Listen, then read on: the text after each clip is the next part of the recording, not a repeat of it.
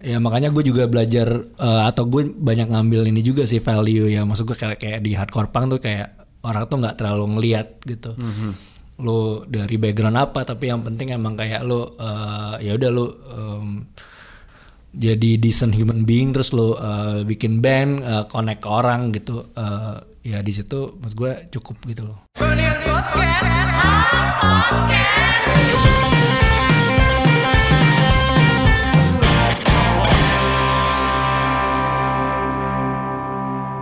Gugup anjing. Anjir. gua gua gua nggak bisa intro udah. Yang jelas eh, gua udah bilang tadi bang gua dengerin lu tuh hampir tiap hari gitu.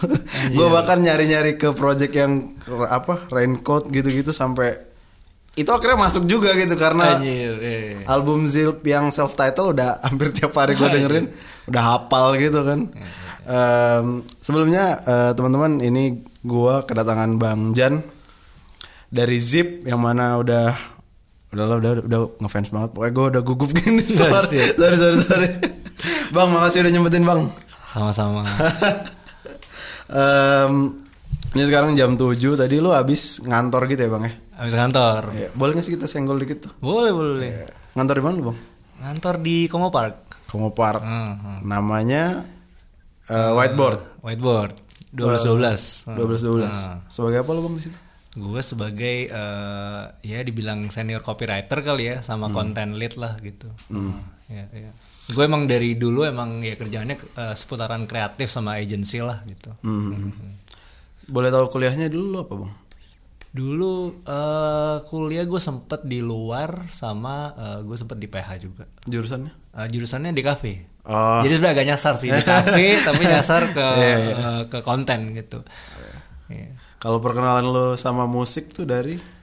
Musik sebenarnya gue dari eh, ya dari dulu gue dari kecil gue dikelilingin musik kali ya. Kayak bonyok gue terus kayak om gue juga em, apa dulu eh, gue inget tuh waktu gue di eh, waktu kecil itu em, diajak om gue beli kaset tuh gue inget tuh.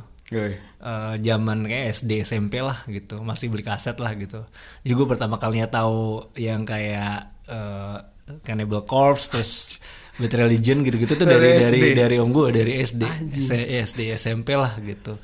Era-era itu lah era masih kaset lah ya. Belum belum belum ke CD lah gitu. Itu langsung cocok sama kuping anak SD tuh? Eh waktu itu gue cuma nyoba-nyoba aja karena gue pikir kayak eh covernya kok menarik ya. Cuman kayak gue juga lumayan waktu itu lumayan serem dengerinnya kayak anjir musik apaan sih? Gak ngerti gitu kan.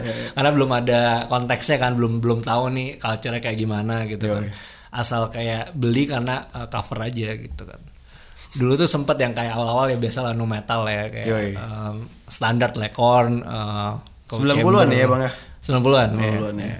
Limp Bizkit lah standar gitu lah. Zaman SMP terus kayak mulai ya punk rock gitu lah. Jadi sebenarnya kayak mulai kenal punk rock tuh SMP sih. SM, SMP kelas 3 kali. Transisi ke SMA tuh gitu. Nah, di SMA tuh em, baru kayak eh, ya dengerin mulai banyak dengerin hardcore gitu lah. Hmm.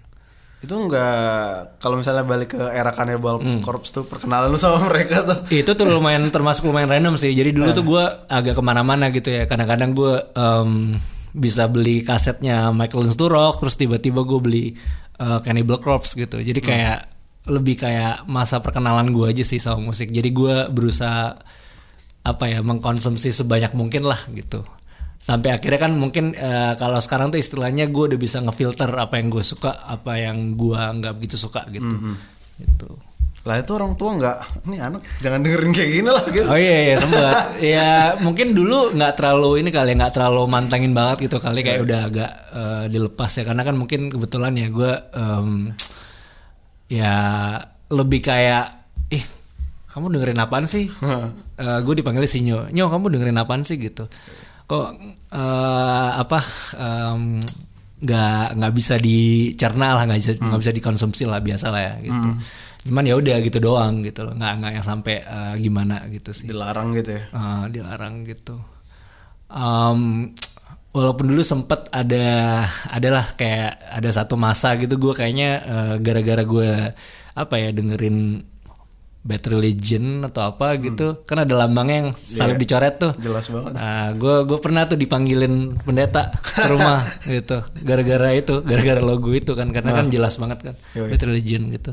Habis itu ya udah gitu. Akhirnya kayak mungkin sekarang eh, udah angkat tangan kali ya, bonyok gue ya, adalah serah lu dah. Yang penting lu eh, nggak yang macem-macem ya, masuk gue juga eh, apa ya? Emang ngapain juga Iya, ya gue, macam-macam gue cuman gue cuman dengerin itu doang gitu, nggak nggak ngapa-ngapain juga gitu. anjing. Tapi misalnya kalau kita itu kan perkenalan tuh bang. Hmm. Kalau misalnya mulai cocok sama hardcore tuh atau punk gitu gara-gara apa sih?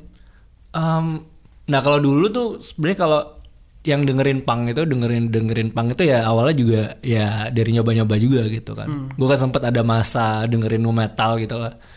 Uh, Limp Bizkit, Korn standar lah ya. Terus uh, sampai yang pop pop tuh gue juga dengerin gitu.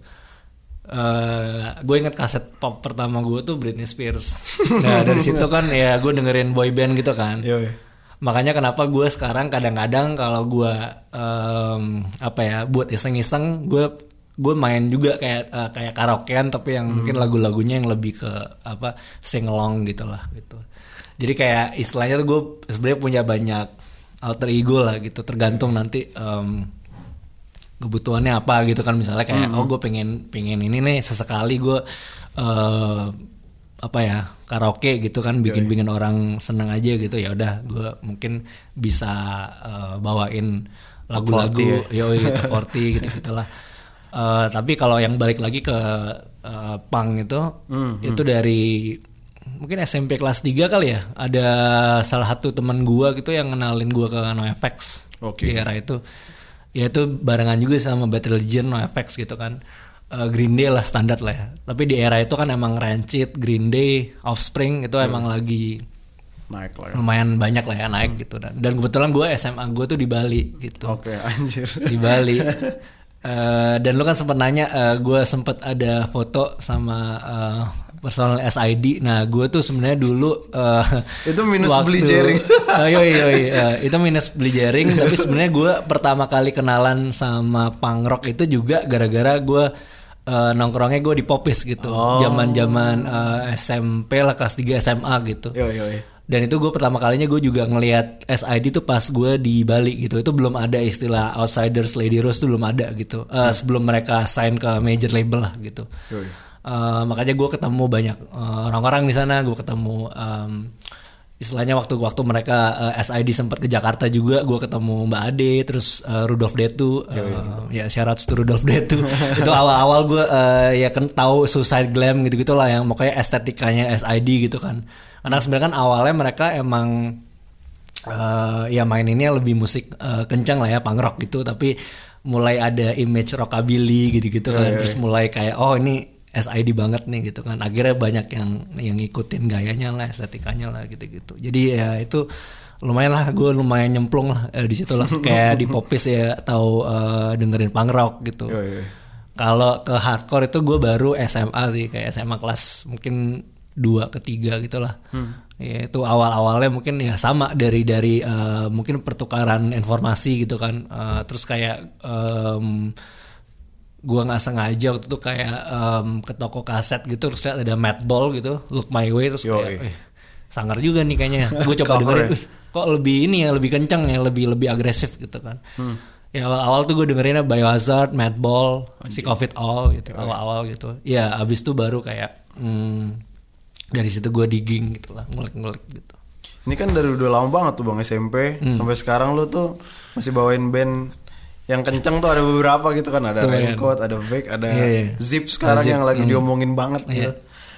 Kalau misalnya kita telaah apa ya mungkin esensinya gitu apa sih di dalam spirit musik kayak gitu yang Em, ya sebenarnya sih self expression aja ya gitu. Kadang-kadang kan kayak lu agak em, jaded gitu sama kehidupan ibu kota mungkin ya sumpah gitu kan. Ada ada ya adalah mas gue gitu kan. Ada ada titik-titik di mana lu jenuh atau sumpah gitu kan. Walaupun ya gue dikelilingin orang-orang yang gue em, suka dan gue ini juga ya gue care gitu ya. Tapi mas gue kan ada aspek-aspek lain di Jakarta tuh emang kayak emang apa ya yang bikin lu tuh kayak eh gue butuh eh, ekspresi tertentu nih gitu kan. Gue butuh channeling eh, apa em, anxiety gue gitu kan uh, ke musik-musik itu. Dan menurut gue kayak sampai sekarang pun ya uh, gue ngerasa ya masih masih ada lah yang apa ya penyaluran yang bisa gue lakuin sih lewat lewat zip gitu.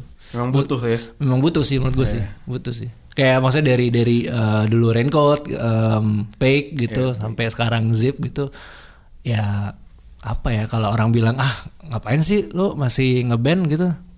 Emang masih ngapain apa masih main HC atau main punk? gitu. Yoi. menurut gue masih relevan relevan aja sih gitu. Oke oke. Berarti nggak nggak perihal tren ya? Enggak perihal sih, emang enggak butuh marah aja gitu. marah aja sih sebenarnya sih. Dan kayak menurut gue secara style juga ah, menurut gue tuh zip malah nggak mengikuti tren ya gitu Iya iya. Iya kan. Kalau sekarang kan mungkin ya kalau saham hardcore kan lebih yang banyak yang heavy ya bisa dibilang ya gitu kan. Kalau kita malah justru ya kita malah apa kita malah mainin yang kita suka aja sih sebenarnya sih gitu.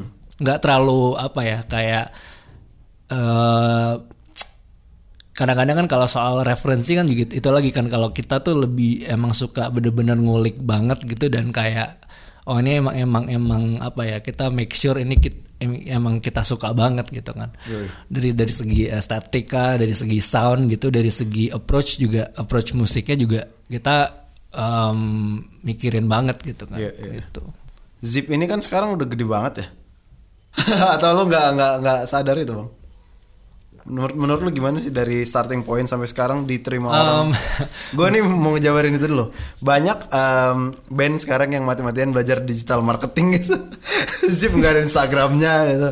Merchnya abis, manggung di mana-mana itu gila loh Bang, kalau kita telah. Nah, gue sebenarnya eh, nggak pernah ada apa ya mm, kepikiran sampai zip itu bisa kayak lumayan segitunya gitu. Karena awal kita emang mikirnya tuh em, apa ya kayak ya ini proyek iseng-isengan aja for fun gitu. Kita nggak pernah ada intensi untuk kayak jadi gede atau main apa ya kayak show yang kayak sampai eh, maksud gue kayak em, sering gitu kan. Maksud gue awalnya juga Frekuensi kayak bener-bener iya frekuensi manggung gitu kan. Awalnya kayak ya udah ini proyek purely proyek iseng gue suka musik kayak gini gitu kan. Gue nggak tahu resepsi orang kayak gimana kan di luar gitu kan. Karena kan mungkin eh, ya mungkin secara mayoritas kan mungkin selera hardcore kan mungkin orang beda-beda ya. Jadi kita kan kita nggak bisa tahu gitu kan. Jadi eh, tapi kan uh, ya Zip mainin apa yang kita suka aja sih basically gitu. Em,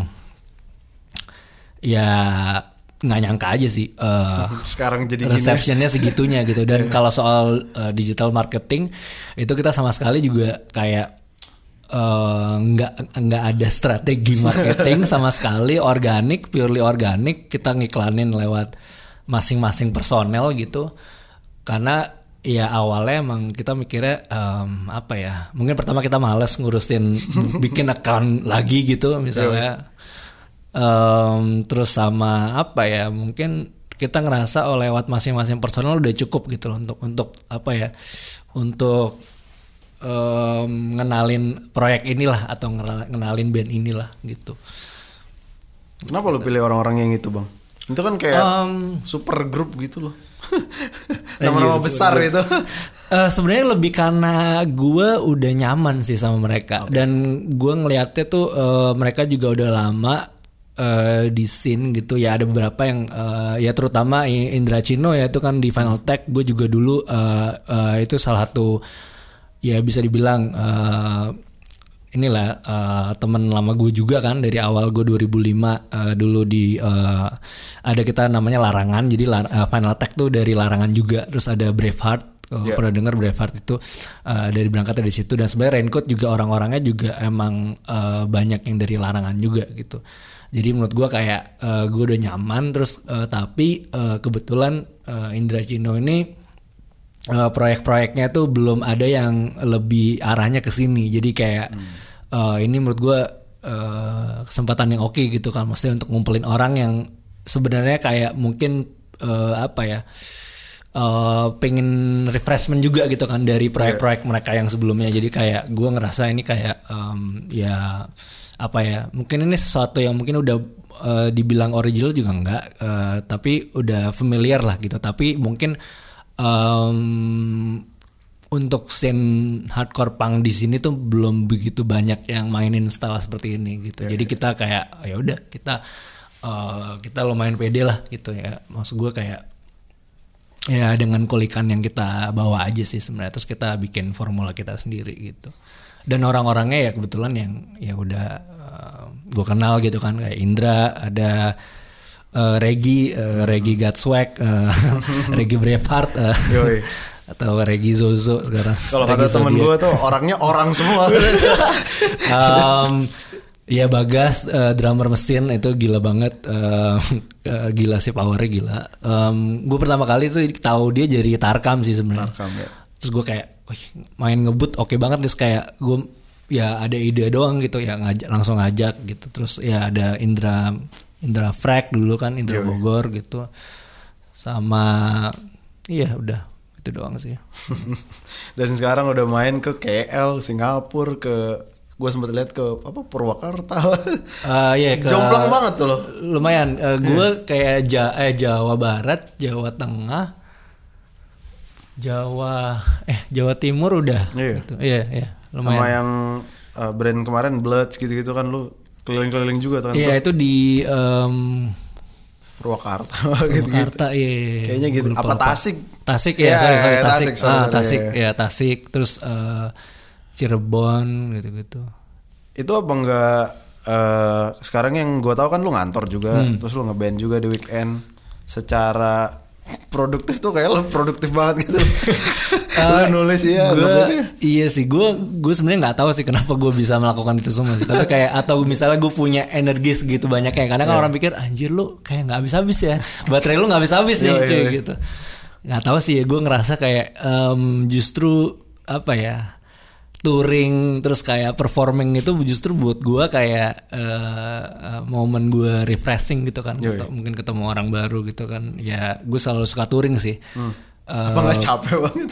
sebenarnya ada emang ada aspek capeknya gitu kan. Tapi menurut gua kayak eh, sesuatu yang menurut gua krusial tuh buat hardcore punk tuh adalah ya jejaring sama touring sih sebenarnya. Lu ketemu orang gitu kan. Karena kan ya kalau misalnya lu eh, kan ada yang namanya cuman band cuman rilisan doang tapi nggak iya. touring gitu kan. Iya. tapi emang gue selalu pingin ada extension dari eh, ya rilisan digital gitu. Jadi emang istilahnya oh secara fisik kita bisa ketemu Ngenalin dan, ya? dan ngenalin musik kita gitu secara langsung gitu. Dan gua nggak nyangka eh, ya resepsinya segitu eh, apa ya gedenya gitu kan. Karena kan awalnya ya kayak ah, cuman eh, apa self title cuman tujuh lagu gitu kan. Ya udahlah eh, Di bawah 10 menit iya ya. ini project pandemi juga gitu kan. Maksud gua kayak em, tapi nggak nyangka ya ya gue segitunya gitu. Iya, sampai orang-orang di gua kan sering yang lihat stories lu oke sih sama semua Oh iya, personil sampai lain. sampai sampai ya sampai dibilangnya eh, ini band-band hardcore meme juga. Karena jadi jadi meme gitu, jadi stiker juga anjir udah, Ada udah sih. nyebar ke mana-mana, Ada stiker stiker WhatsApp, ya. stiker WhatsApp lah meme gitu. Tapi kayak karena gue juga sebenarnya seorang penggemar meme juga, gue Iya. gue support meme culture. Yoi. Jadi gue ya udahlah gitu kayak kocak aja gitu. Dan udah banyak kombinasinya lo mau dari eh, dari apa?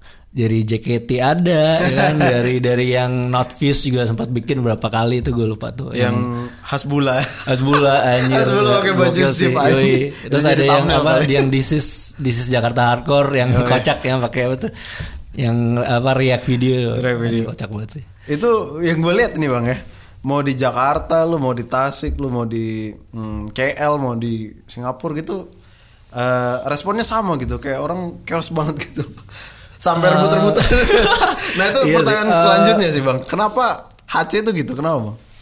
Ah, nggak tahu kalau gua kalau gua kalau gua pribadi ya mungkin dari dulu sampai sekarang mungkin apa ya eh, mungkin kalau kita ngomongin hardcore punk itu kan koneksi juga gitu gitu kan. kayak apa ya eh, sesuatu yang disampaikan gitu message-nya gitu sama style musiknya gitu mungkin eh, ya itu tadi kan itu eh, tergantung taste juga gitu kan. Ya, tapi mungkin kebetulan banyak yang ngerespon itu kan ngerespon koneksi itu terus kayak mereka merasa kayak ini relevan gitu. Ya mungkin mereka bereaksi aja gitu loh. Mereka kayak eh, mengekspresikan aja sih. Gue ngeliatnya kayak itu sih. Kayak ya hardcore tuh aksi dan reaksi aja gitu kan sebenarnya kan. Em, kadang-kadang kan ada yang kayak oh lu bikin musik tapi mungkin nggak kena di orang ini tapi kena di eh, orang lain gitu crowd yang lain gitu Iya, gue sih nggak masalah sih. Gue juga kayak gue eh, sukanya kalau di show hardcore itu kayak lo nggak lo nggak akan pernah tahu gitu kayak ini eh chaos itu kayak gimana sih? chaos tiap kota tuh beda-beda gitu. Tapi gue menikmati itu gitu. Jadi itu bagian dari emang touring dan lo ketemu orang gitu kan. Eh, ya self expression juga gitu. Jadi menurut gue kayak ya ya fun-fun aja sih. Jadi kayak ini ruang aman buat audiens Ah, buat iya, lo benar. gitu ya Ya, maksudnya ruang aman buat buat siapa aja ya gitu Iya, kan. Ah, eh, emang kayak ya itu emang didesain gitu hardcore punk emang ya lo eh, apa ya lo punya unek-unek atau apa gitu emang ini eh, safe space aja buat Hmm. buat banyak orang untuk mengekspresikan apa yang ada di benak mereka atau kayak Iya. mereka emang pengen aduh gue jenuh nih mungkin ya gue pengen ini gitu kan ya itu mungkin kalau kalau gue sih ngeliatnya itu em, kalau sekarang tuh Yoi. cie bahasa sekarang healing eh, eh, hardcore tuh healing gue gitu healing healing Yoi, ya yoi, healing ya yoi. healing ya maksudnya kayak kalau gue sih ngeliatnya hardcore punk itu ya meditasi juga gitu karena orang kan meditasi ada yang diem gitu Mm-hmm. kalau gue buat gue chaos itu meditasi gue Jing. Mantep, Cok.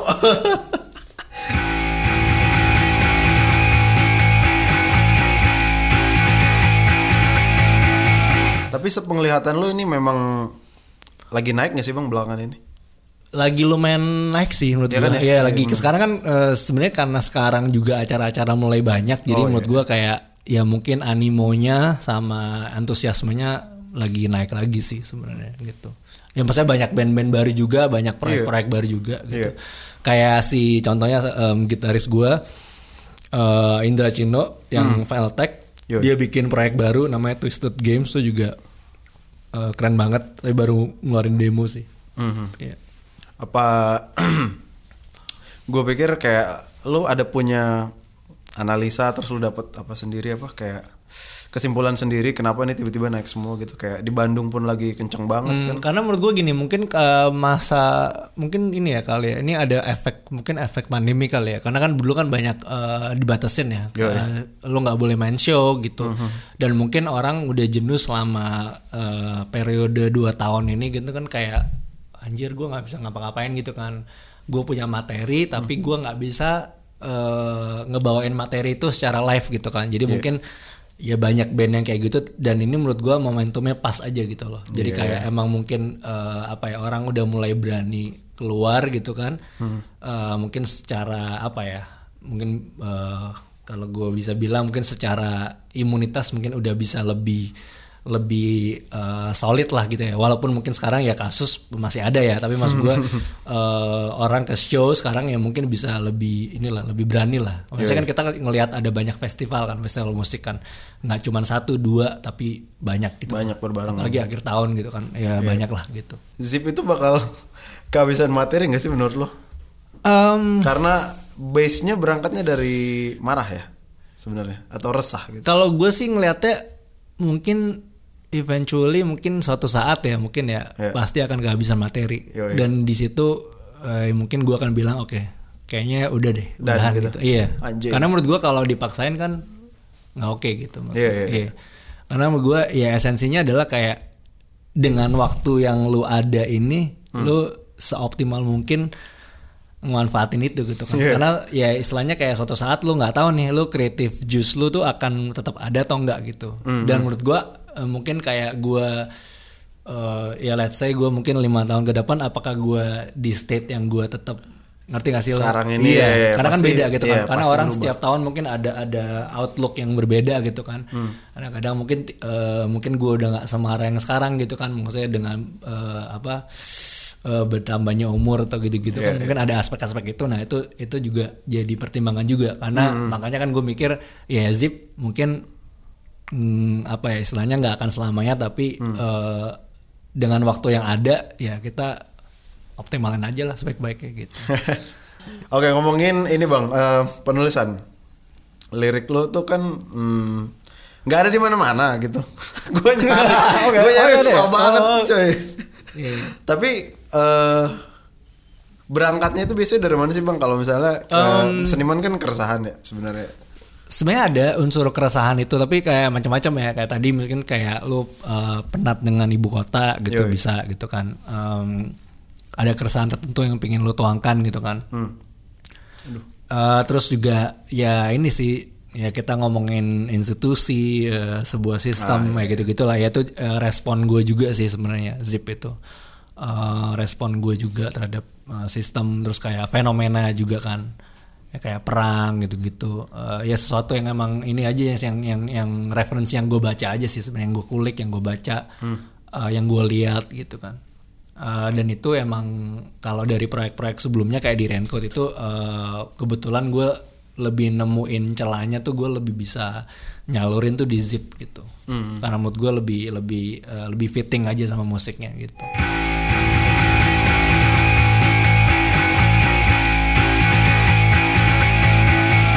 Eh, di balik foto yang lo sama SI di rangkulan itu, gue rasa pada tahun segitu tuh belum umum gitu kan bang kayak orang-orang yang seperti gua dan lo ini ke punk rock show gitu. Iya, iya. ya apalagi mungkin ya kalau zaman eh, zaman dulu gue di Bali itu gue gue inget banget gue ke acara em, kayak acara pang gitu. Itu tempatnya di gedung olahraga gitu di gor gitu. Itu gue sama temen gue jadi temen gue tuh kayak eh, campuran Bali bule gitu. Jadi lu bayangin em, Beda banget dua-duanya. Eh, gua ya em, kayak yang eh, Chinese Indo gini terus sama yang bule gitu. Sana terus tiba-tiba bener-bener kayak ya udah kayak kayak lu ke ke dunia yang sangat-sangat asing aja. Tapi kan gua karena gua apa ya gue punya dorongan dan motivasi untuk kayak gue kepo nih gue kepo pengen dengerin punk rock gitu. Ya udah gue cuek aja gitu loh. Ya tapi ada lah kayak eh, seliuran-seliuran orang ngata-ngatain itu pasti ada lah gitu. Harassment harassment kayak gitu. Ya verbal harassment gitu. Zaman itu ada lah ya gitu. Karena mungkin eh, belum lazim kali ya orang Iya. em, pergi ke show gitu. Maksudnya eh, dengan apa ya dengan diversity yang lebih lebih eh, apa eh, banyak orang juga gitu kan. Eh, jadi eh, sebenarnya scene itu scene apa pun tuh nggak eksklusif. Cuman buat eh, istilahnya punya golongan tertentu kan. Istilahnya Iya, kan ya namanya musik kan universal juga kan gitu kan ya makanya gue juga belajar eh, atau gue banyak ngambil ini juga sih value ya. Maksud gue kayak kayak di hardcore punk tuh kayak orang tuh nggak terlalu ngeliat gitu. Lo dari background apa tapi yang penting emang kayak lo eh, ya udah lo em, jadi decent human being terus lo eh, bikin band eh, connect ke orang gitu eh, ya di situ maksud gue cukup gitu loh Kayaknya nggak banyak gitu loh orang yang hmm, touch pointnya HC terus sampai sekarang masih dimainin gitu. Dan gua kenapa gua nyobain dengerin Zip lagi? eh gue ngeliatnya lu sangat nggak HC gitu loh bang. Emang, emang. Cuman kayak Yoi, yoi. Tapi, tapi bener-bener Secara eh, penampilan. bener-bener orang banyak kecil ya yang yang nggak tahu mungkin yang kayak de mungkin yang kayak nggak familiar gitu gue punya band gitu kayak kayak anjir lu serius gitu pas gue liatin mungkin video gitu anjir lu serius? Kok wah chaos banget anjir. Gue kayak gue worried deh gitu kayak gitu gitu ya mungkin efeknya kayak gitu. Ya nggak tahu ya wajar aja sih gue nggak tahu sih. Emang emang nggak tahu sih. Gue menurut gue sih ya hardcore punk tuh em, pola pikir sih bukan bukan cara gue dandan sih. Kayak ya soalnya kan banyak juga yang kayak lu dandan dandan hardcore tapi poser juga gitu yang maksudnya sama aja kan Iya, yang ngapain gue gitu kan jadi kayak ya udah kayak ya intinya lu ya udah just be yourself aja gitu loh gue nggak perlu harus kayak maksa diri gue untuk kayak gue harus "Ah, gue gue udah hardcore belum ya atau gue udah ngerti gak sih gitu. Iya, iya, iya.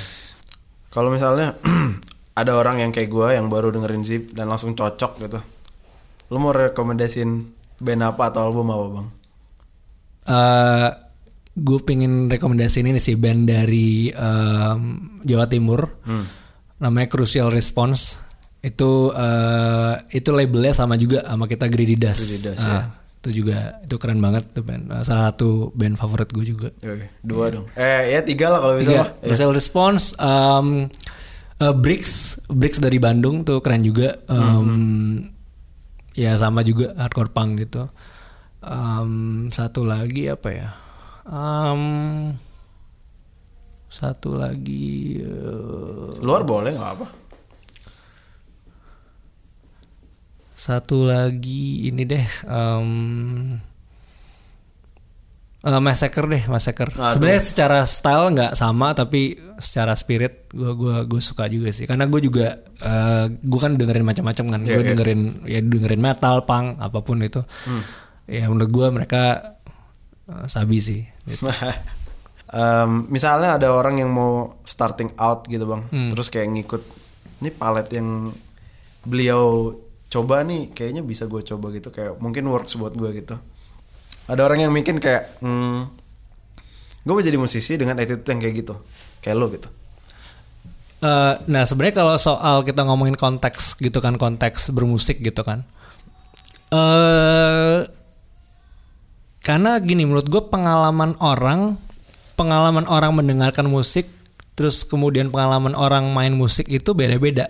Jadi dari satu orang ke orang lain tuh nggak pernah ada yang sama gitu. Walaupun mungkin lu datang dari sini yang sama ya gitu. Kalau Iya. itu yang gue rasain ya. Iya. jadi maksud gue kayak em, mungkin ya yang paling ini yang paling bisa di apply yang relevan adalah ya lu cari sesuatu yang emang ya deket sama lu aja sih gitu. Dan lu nggak perlu maksain gitu ya. Lu lu lu jujur aja sama diri lu sendiri gitu. Lu lu sukanya apa sih gitu. Ya lu kulik di situ aja gitu loh. Ya kayak gue dari dulu lumayan ini lah kayak ya ranah gue kan hardcore punk gitu. Walaupun gue eh, ke mana-mana juga ya gitu kan. Tapi kan gue end up akhirnya bikin proyek yang emang eh, merepresentasikan eh, ini ya yang gue suka aja gitu. Atau culture yang gue suka gitu loh. Makasih banyak Bang Jan. gue sejujurnya ya, gue dari tadi tuh lumayan starstruck sih soalnya ya tiap hari gitu gue dengerin sepedahan, workout Anjir. gitu dan Anjir workout lu dengerin sip iya. kan ke- cepet banget Ya memang ngulang. ngulang Oh, terus iya. ya sampai ujung-ujungnya ke mana-mana gitu. Cuman ya eh, makasih banyak bang, musik lo beneran nyampe ke gua, resonates lah. thank you thank you Thank you, Bang. thank you, thank you. gue kira lu kalau gym dengerinnya yang lebih heavy ya sih Enggak lah, itu udah udah kenceng banget soalnya. nggak biasanya kalau yang nge-gym dengerinnya hate breed gitu kan Anjing, teror ya kan? iya, iya, iya. Nanti mungkin gua kulik setelah lo mention itu. Em, teman-teman itulah Bang Jan, gua nggak tahu nama aslinya Bang ini siapa. itu dia em, Jan dari Zip, teman-teman. Em, terima kasih sudah mendengarkan Friend Podcast. Gua mau promosi Zip nggak ada Instagramnya. Lu follow Instagramnya Bang Jan aja lah Urban X Blight. Blight. Yoi. Terima kasih teman-teman, sampai jumpa.